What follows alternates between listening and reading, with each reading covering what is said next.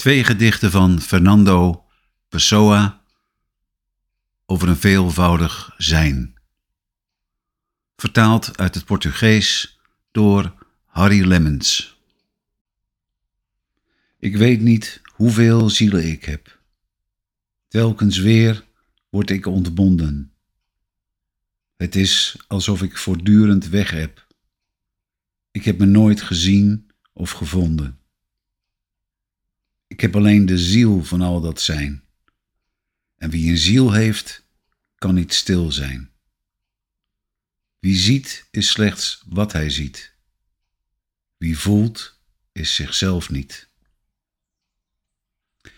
Als ik let op wat ik ben en waarneem, word ik hen en niet meer mezelf.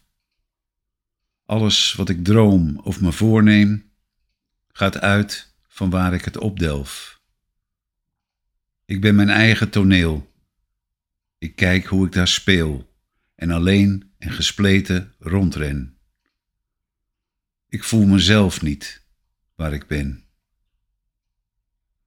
Daarom lees ik verstrooid als bladzijden mijn bestaan. Wat later komt, weet ik nooit. Wat voorbij is, laat ik gaan. In de kantlijn van wat ik lees teken ik aan wat bij me oprees. Ik herlees het en zeg: Was ik dat? God weet het. Hij schreef op dat blad.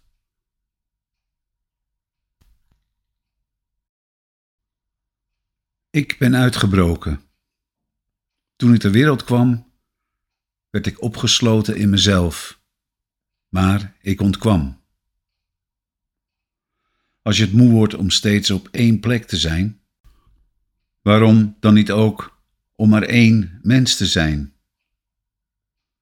Mijn ziel zoekt mij, maar ik ren weg en hoop dat ze me nooit vindt, terwijl ik al maar verder loop.